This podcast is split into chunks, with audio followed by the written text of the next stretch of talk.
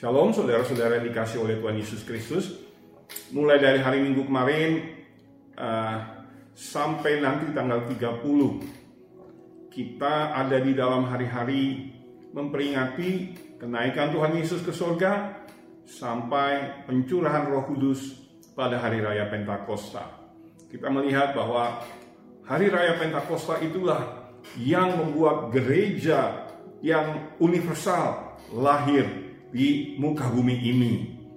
Pentakosta adalah ulang tahun gereja dan sekaligus juga dia melepaskan kuasa Roh Kudus yang nyata ada di dalam gereja. Gereja bukan berbicara mengenai tempat, bukan berbicara mengenai gedung. Mungkin pada saat Bapak Ibu sedang melihat tayangan ini, kita bersama-sama sedang ada di rumah kita masing-masing mungkin. Tapi di mana pun kita berada, kita berkumpul menjadi satu, maka kita menjadi bait Allah, kita menjadi rumah kediaman Allah. Dan di mana kuasa Tuhan hadir, dinyatakan. That's the church, itulah gereja. Kehidupan murid-murid Tuhan Yesus, ke-12 Rasul, berubah dengan dahsyat pada waktu kehidupan mereka dipenuhi dengan roh kudus. Itu sebabnya Tuhan Yesus dengan hati-hati memperingatkan mereka dengan berulang-ulang kali. Kalian jangan ke mana-mana dulu, jangan pergi meninggalkan Yerusalem dahulu. Jangan bikin apa-apa dulu sampai kamu menerima janji Bapa ya, yang akan dicurahkan kepada kamu. Dan kita tahu di dalam kitab kisah Rasul pasal 2 mereka mengalami hal itu. Kehidupan mereka diubahkan sebelum pencurahan Roh Kudus. Mereka sudah jadi murid-murid Tuhan Yesus, mereka sudah mengikuti Tuhan Yesus, tetapi ada beberapa kali di dalam peristiwa di mana mereka menyembuhkan orang sakit, mengusir setan, ada kejadian-kejadian di mana mereka tidak berhasil. Ada setan-setan yang tidak keluar ketika mereka usir, ada beberapa orang yang tidak disembuhkan, tetapi begitu mereka dipenuhkan dengan Roh Kudus, kita melihat ada sesuatu dimensi yang lain. Sama seperti Tuhan Yesus dikatakan dia menyembuhkan semua orang yang sakit yang datang kepada dia. He healed all. Oh, semua. Demikian juga semenjak kita kisah para rasul pasal 2, semua yang datang kepada para rasul disembuhkan dengan dimensi yang begitu dahsyat. Sampai-sampai orang membawa orang sakit dan mengikuti Petrus ke mana bayangan Petrus mengarah mereka ditaruh orang sakit diletakkan di bawah jalan di mana Petrus akan lewat siapa tahu dikatakan bayangan Petrus akan menyentuh mereka dan orang-orang sakit itu akan sembuh saudara-saudara melihat suatu dimensi yang luar biasa yang lain yang dihasilkan oleh kepenuhan Roh Kudus di dalam kehidupan murid-muridnya. Di dalam kitab kisah para rasul pasal yang keempat, ayat yang ke 7 sampai yang ke-13, saya akan bacakan buat saudara-saudara sekalian. Kitab kisah rasul pasal yang keempat, ayat yang ke-7. Lalu Petrus dan Yohanes dihadapkan kepada sidang itu dan mulai diperiksa dengan pertanyaan ini. Dengan kuasa manakah atau dalam nama siapakah kamu bertindak demikian itu? Maka jawab Petrus, penuh dengan roh kudus Hai pemimpin-pemimpin umat dan tua-tua, jika kami sekarang harus diperiksa oleh karena suatu kebajikan kepada seorang sakit dan harus menerangkan dengan kuasa manakah orang itu disembuhkan, maka ketahuilah oleh kamu sekalian dan oleh seluruh umat Israel bahwa dalam nama Yesus Kristus orang Nazaret yang telah kamu salibkan, tetapi yang telah dibangkitkan Allah dari antara orang mati, bahwa karena Yesus itulah orang ini berdiri dengan sehat di depan kamu Yesus yang adalah batu yang dibuang oleh tukang-tukang bangunan itu, yaitu kamu sendiri. Namun dia telah menjadi batu penjuru. Dan keselamatan tidak ada di bawah siapa pun juga selain di dalam dia. Sebab di bawah kolong langit ini tidak ada nama lain yang diberikan kepada manusia yang olehnya kita dapat diselamatkan. Ketika sidang itu melihat keberanian Petrus dan Yohanes dan mengetahui bahwa keduanya adalah orang biasa yang tidak terpelajar, heranlah mereka dan mereka mengenal keduanya sebagai pengikut Yesus. Kita melihat di sini bagaimana Roh Kudus yang ada di dalam diri Petrus dan Yohanes dengan dahsyat menyembuhkan seorang sakit yang dicatat di dalam pasal sebelumnya di kitab kisah Rasul pasal yang ketiga. Ada satu cerita lagi yang saya ingin kita melihat kali ini di dalam perjanjian lama. Di dalam perjanjian lama di dalam kitab dua Raja-Raja pasal yang keempat ayat yang ke-1 sampai yang ke-7. Judulnya minyak seorang janda. Salah seorang dari istri-istri para nabi mengadukan halnya kepada Elisa sambil berseru, Hambamu suamiku sudah mati, dan kau ini tahu bahwa hambamu itu takut akan Tuhan. Tetapi sekarang penagih hutang sudah datang untuk mengambil kedua orang anakku menjadi budaknya. Jawab Elisa kepadanya, apakah yang dapat kuperbuat bagimu? Beritahukanlah kepadaku apa-apa yang kau punya di rumah. Berkatalah perempuan itu, hambamu tidak mempunyai sesuatu apa pun di rumah kecuali sebuah buli-buli berisi minyak. Lalu berkatalah Elisa, pergilah, mintalah bejana-bejana dari luar, daripada segala tetanggamu, bejana-bejana yang kosong, tetapi jangan terlalu sedikit. Kemudian masuklah, tutuplah pintu, sesudah engkau dan anak-anakmu masuk, tuangkanlah minyak itu ke dalam segala bejana mana yang penuh, angkatlah. Pergilah perempuan itu daripadanya, ditutupnya lah pintu sesudah ia dan anak-anaknya masuk, dan anak-anaknya mendekatkan bejana-bejana itu kepadanya, sedangkan ia terus menuang. Ketika bejana-bejana itu sudah penuh, berkatalah perempuan itu kepada anaknya, dekatkanlah kepadaku sebuah bejana lagi. Tetapi jawabnya kepada ibunya, tidak ada lagi bejana. Lalu berhentilah minyak itu mengalir Kemudian pergilah perempuan itu dan memberitahukannya kepada abdi Allah dan orang ini berkata, "Pergilah, jualah minyak itu, bayarlah hutangmu dan hiduplah dari lebihnya engkau serta anak-anakmu." Kita melihat di sini dua cerita yang berbeda, Bapak Ibu sekalian, saudara-saudara yang dikasih oleh Tuhan Yesus. Satu di perjanjian lama, cerita seorang wanita, seorang ibu janda Mungkin banyak di antara teman-teman, Bapak Ibu Saudara yang dikasihi bisa bisa merasakan koneksi dengan apa yang dihadapi oleh ibu janda ini.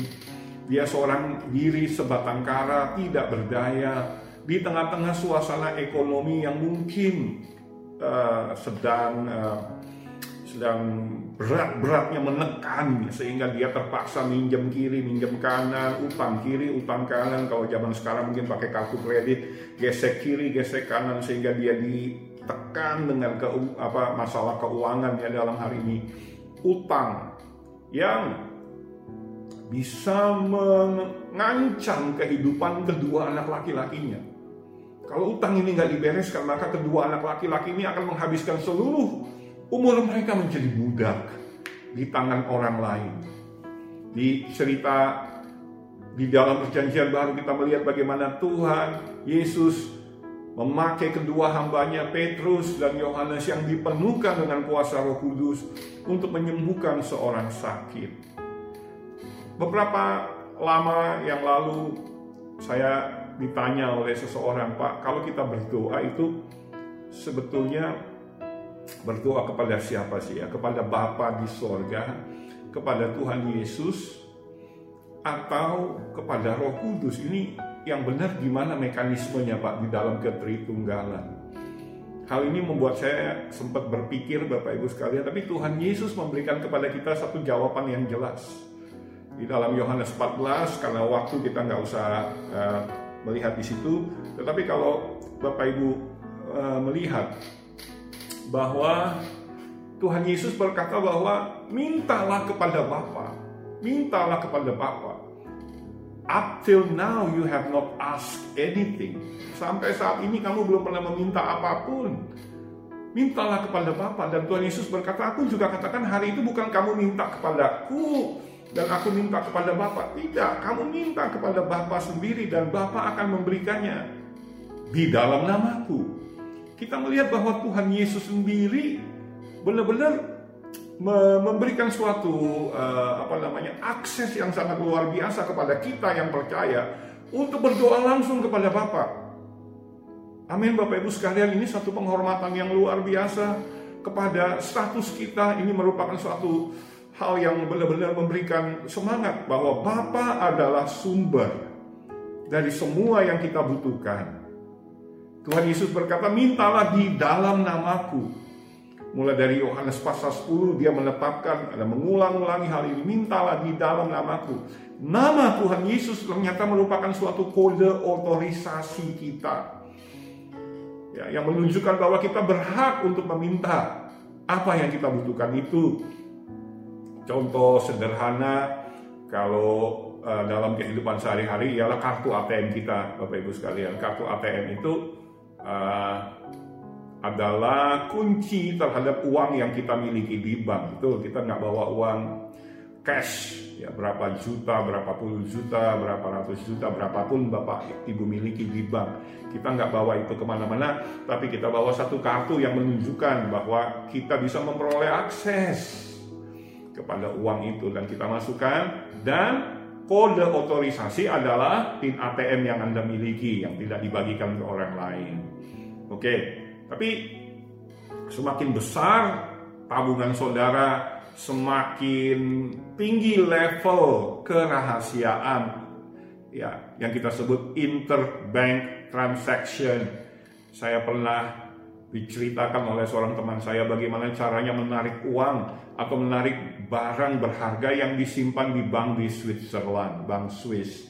Maka di situ bukan cuma ATM Bapak Ibu sekalian, bukan hanya 6, 6 angka, tetapi memang ada kode dan kodenya alfanumerik. Habis itu dia harus minta bahkan retina mata, jadi kita harus di scan retina matanya. Benar nggak bahwa kode ini dibawa oleh orang ini? Jadi kodenya boleh benar, tapi orang yang nyampaikannya juga harus benar. Habis itu dikatakan apa? Sampai pakai DNA dia harus pakai jarum, darahnya sedikit kemudian ditaruh di satu uh, petri disk kecil untuk menunjukkan bahwa benar ini DNA-nya orang ini gitu. Itu sesuatu yang tingkat uh, apa verifikasi yang sangat luar biasa untuk memastikan keamanan. Dan Tuhan Yesus memberikan nama kepada kita namanya itu adalah kode akses verifikasi. Tapi hendaknya lah biar kehidupan kita sesuai dengan identitas yang kita sandang.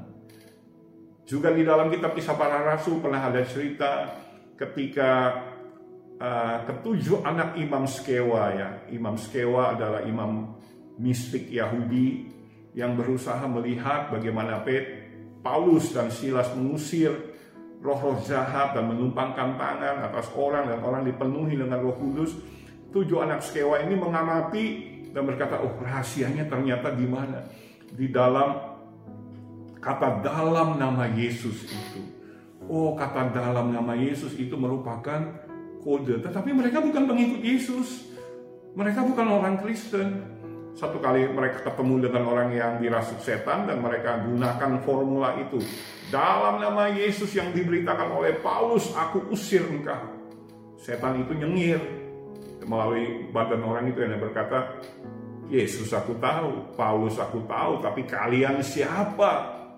Itulah namanya penggunaan ya ketika ya kalau ATM kita nggak tahu selama orang uh, apa yang kita percaya itu taruh kita kasih tahu uh, eh, 6 angka itu ya dia bisa ambil. Tetapi kalau seperti yang tadi saya cerita itu di bank Switzerland you have the right code. Kodenya mungkin memang benar tapi begitu diverifikasi bahwa Anda bukan orang itu melalui retina mata dan DNA langsung Anda ditangkap dan demikian juga begitu Bapak Ibu sekalian. Kita lihat tadi Bapa adalah sumber dari segala sesuatu yang kita butuhkan. Tidak ada jumlah uang terlalu besar, tidak ada penyakit terlalu susah, tidak ada masalah yang terlalu rumit yang Bapak tidak bisa pecahkan.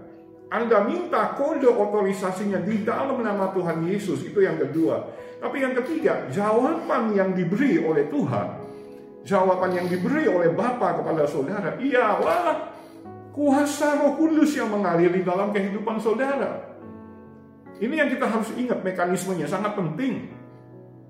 Uh, saya ulangi lagi ya, jadi Bapak ini merupakan sumber dari segala sesuatu yang Anda butuhkan. Butuh apa? Butuh uang, butuh kesembuhan, butuh pertolongan, butuh petunjuk di dalam masalah. Bapak adalah sumber, dia memiliki apa yang Anda butuhkan. Minta di dalam nama Tuhan Yesus.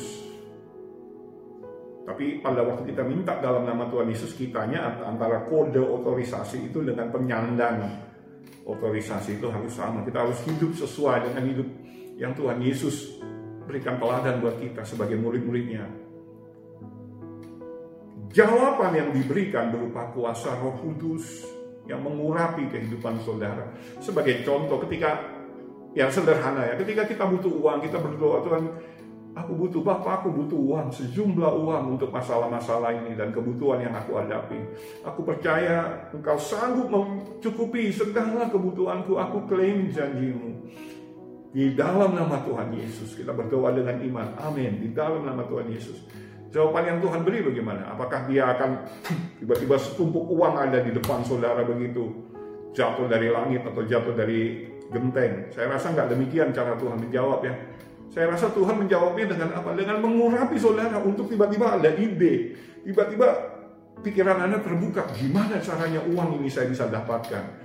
Tuhan membukakan kontak kepada satu dua orang kunci yang akan bisa menolong saudara. Tuhan memberikan kepada saudara ide dan solusi. Kalau saudara berdoa untuk kesembuhan, ginjal saudara sakit, perlu ditolong atau mungkin kadang-kadang perlu dioperasi diganti dengan ginjal baru gitu.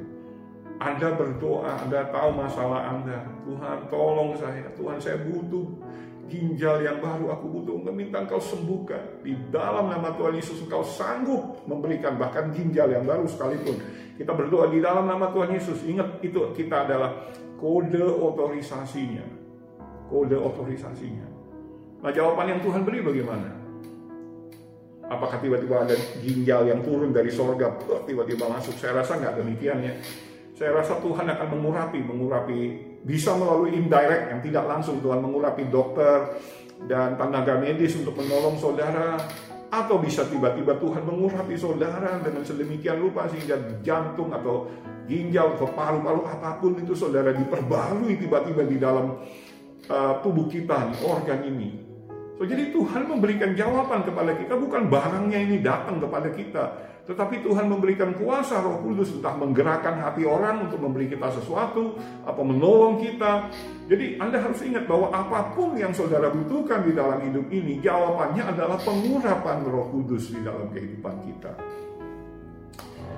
Di dalam kedua cerita yang tadi kita lihat ini, kita melihat baik dari cerita ibu janda yang di dua Raja-Raja pasal 4 maupun cerita Petrus dan Yohanes di kitab kisah Rasul pasal 4, kita melihat ada paling tidak tiga hal yang dihasilkan oleh kepenuhan roh kudus di dalam kehidupan kita. Yang pertama, roh kudus memberikan keberanian untuk kita menghadapi masalah-masalah kehidupan kita. Banyak orang dirundung oleh rasa takut jadi bukan hanya Anda menghadapi masalah Anda, tetapi Anda mengalami kelumpuhan gara-gara takut ngeliatin masalahnya aja udah takut. Apalagi bangkit menghadapi nggak berani. Banyak orang berusaha lari dari masalah. Dipikir lari dari masalah, masalah akan hilang. Enggak juga. Anda lari dari masalah, masalah sering kali akan mengejar Anda. Gitu. Tapi Roh Kudus memberikan kepada kita keberanian. Itu yang Tuhan Yesus janjikan. Aku tidak akan membiarkan kau sendirian. Aku nggak akan biarkan kau jadi yatim piatu. Aku akan selalu hadir. Kalau kita melihat di dalam kehidupan Petrus tadi, sebelum dia dipenuhkan dengan Roh Kudus, mungkin teman-teman, saudara-saudara yang dikasih Tuhan Yesus, engkau tahu, kalian tahu bahwa ciri khas kehidupan Petrus adalah dia adalah seorang penakut yang luar biasa. Saya pikir Petrus itu sesuatu yang tragis ya, badan besar, gagah, berewokan mungkin, tapi hatinya pengecut. Dia tidak berani menghadapi orang banyak, dia selalu takut akan ditolak. Tetapi ketika dia dipenuhkan dengan Roh Kudus, dia dipenuhi dengan keberanian yang luar biasa. Kalau saudara lihat di dalam ayat yang ke-13 tadi di dalam kitab Kisah Rasul pasal yang 4, di ayat yang ke-13 dikatakan ketika sidang itu melihat keberanian Petrus dan Yohanes, betapa dahsyatnya Petrus, betapa beraninya dia. Beda dengan Rasul Petrus yang menyangka mengenal Tuhan Yesus ketika diperhadapkan oleh seorang gadis pembantu kecil di tengah malam pada waktu Tuhan Yesus diadili di uh, gedungnya Pontius Pilatus. Petrus yang penuh ketakutan, penuh kebimbangan, penuh ketidakpercayaan diri. menjadi Petrus yang penuh dengan kuasa dan gagah berani dimulai dari kitab Kisah Rasul 2 ketika dia berkhotbah di tengah-tengah orang Yahudi.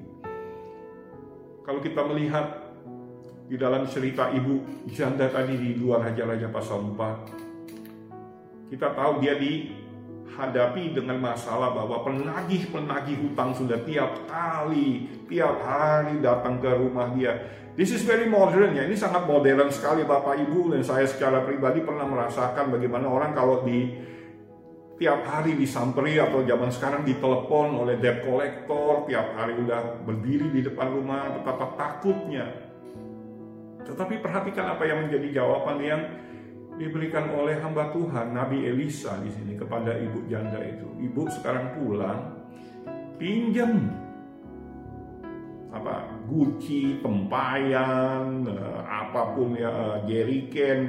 Kalau zaman dulu ada tupperware pinjam tupperware juga, apa pun pinjam kepada tetangga-tetangga. Saya pikir saya bisa bayangkan ya gambarannya itu. Tetangga-tetangga di sekitar tiap pagi sudah melihat ya sebelum jam 8 pagi udah ada dua orang debt collector nongkrong di depan rumah ibu janda ini. Ibu janda ini sampai nggak berani keluar rumah karena ditongkrongi oleh dua debt collector tapi dia suruh dua anaknya itu untuk keluar dan pinjem. Ya kan?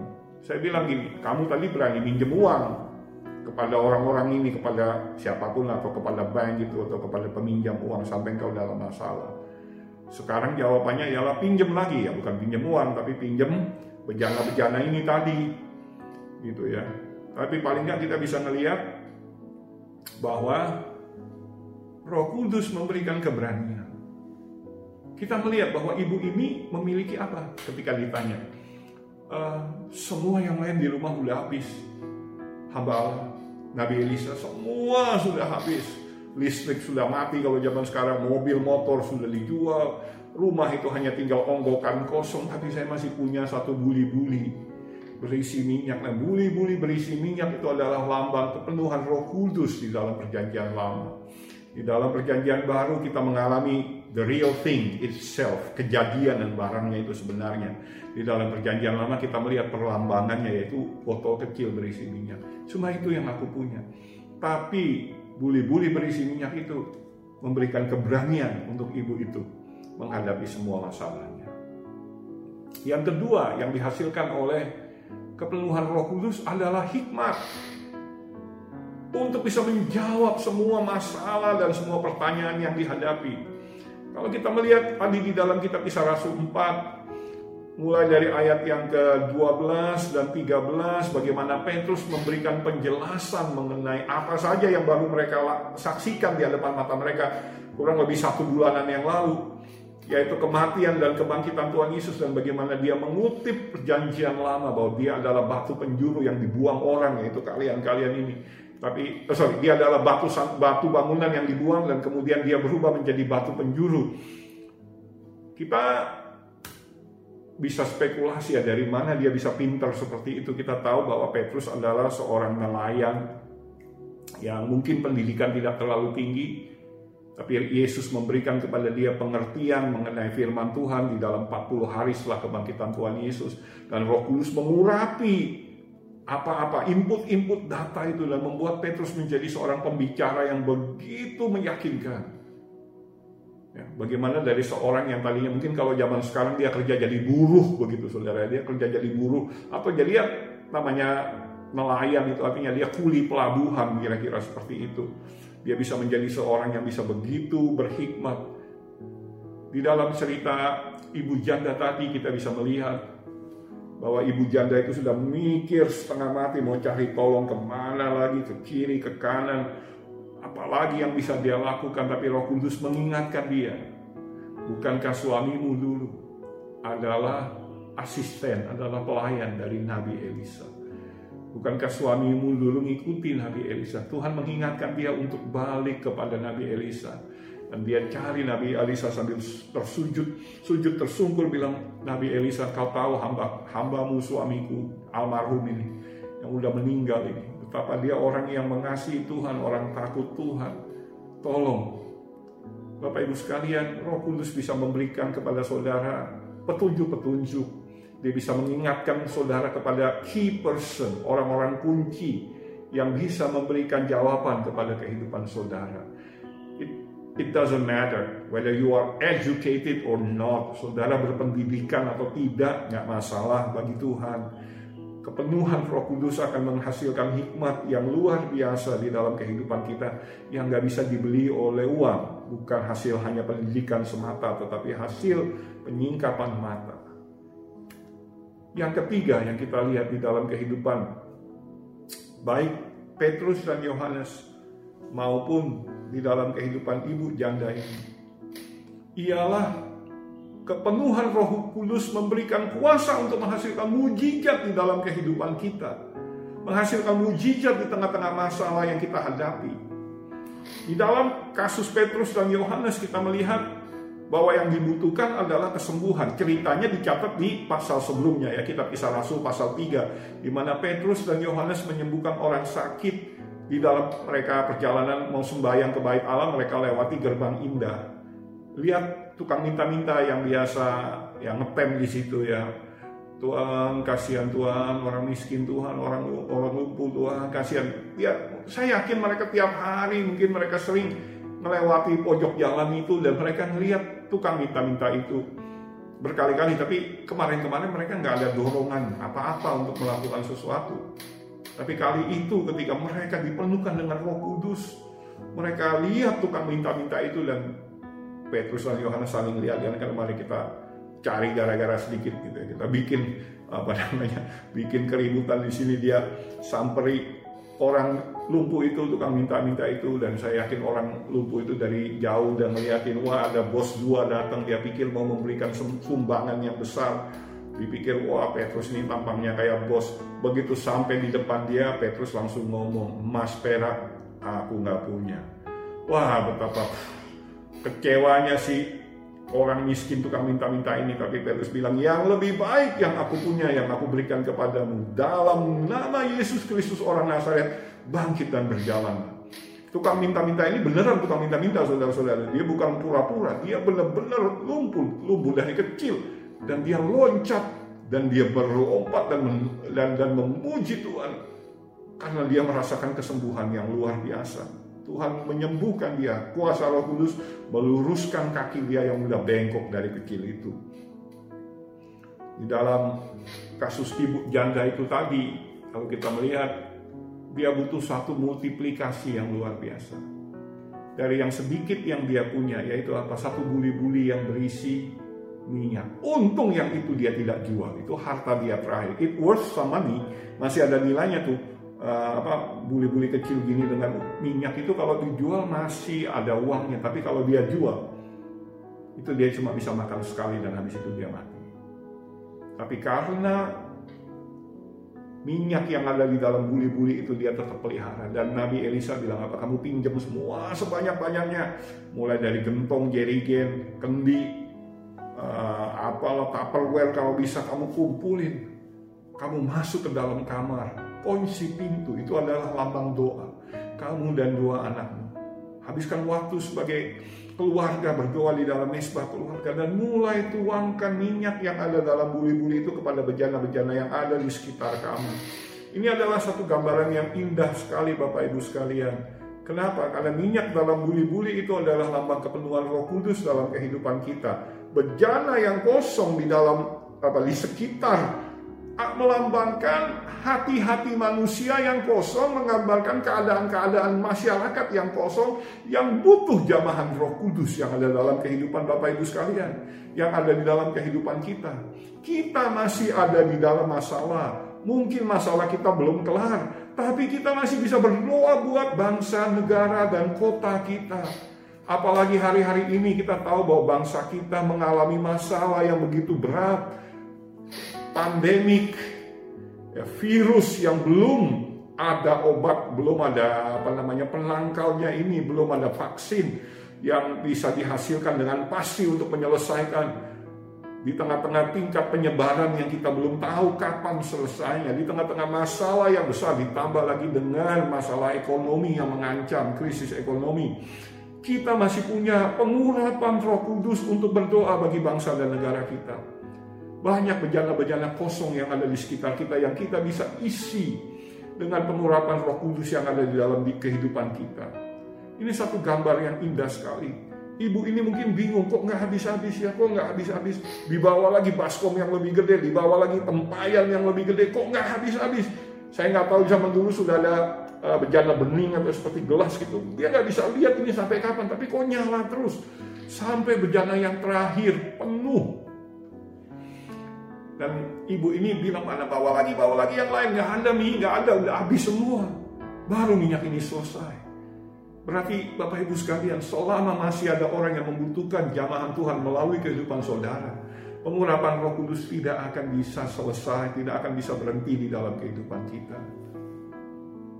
Hari ini kita berpikir, apa yang menjadi permasalahan kita? Keuangankah? Sakit penyakitkah? Apa masalah yang lain? Hanya ada satu jawaban yang Bapak Ibu butuhkan, yaitu kepenuhan roh kudus di dalam kehidupan kita.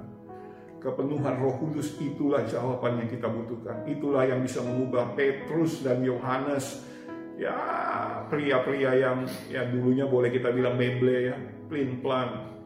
Menjadi pribadi yang begitu dahsyat, begitu berani, begitu berhikmat, dan dipenuhi dengan kuasa roh kudus. Mereka menghasilkan mujizat di dalam kehidupan pengemis lumpuh ini. Atau mungkin saudara lebih beridentifikasi seperti ibu janda tadi, seorang diri tidak berdaya, dengan beban ekonomi yang menumpuk. Tapi apa pun masalah saudara, siapa pun saudara, selama hari-hari kita menantikan kepenuhan roh kudus, mulai dari hari kenaikan Tuhan Yesus kemarin sampai nanti hari Minggu Pentakosta, kita berdoa, Tuhan lebih dari segalanya, penuhkan aku dengan rohmu senantiasa. Dan aku berjanji untuk menjaga kepenuhan rohmu. Aku akan jaga buli-buli ini di dalam kehidupanku. Karena aku tahu itulah kunci untuk melepaskan kuasa Tuhan bekerja di dalam segala situasi. Mari kita tundukkan kepala kita berdoa. Bapak Surgawi, terima kasih untuk kesempatan kami boleh merenungkan firman-Mu. Terima kasih kami sudah diberikan pelajaran baik di dalam perjanjian lama maupun di dalam perjanjian baru. Bahwa kepenuhan roh kudus adalah sesuatu yang begitu berharga di dalam kehidupan kami. Bapak kami berdoa terutama di dalam hari-hari menantikan pencurahan rohmu. Mulai dari hari kenaikan Tuhan Yesus ke sorga sampai hari pencurahan roh kudusmu. Biarlah di dalam hari-hari ini kami merindukan dengan sangat Penuhkan kami sekali lagi dengan rohmu. Penuhkan kami. Kalau mungkin buli-buli kami, bejana kami bocor. Kami minta engkau memberikan bejana yang baru. Dan kami minta engkau selalu memenuhi kami. Terima kasih Bapak, terima kasih. Kami bersyukur untuk kesempatan mendengarkan firman-Mu. Di dalam nama Tuhan kami Yesus Kristus kami berdoa. Amin. Shalom Bapak Ibu yang dikasih oleh Tuhan Yesus. Sampai kita bertemu kembali. Tuhan Yesus memberkati Bapak, Ibu, dan Saudara sekalian.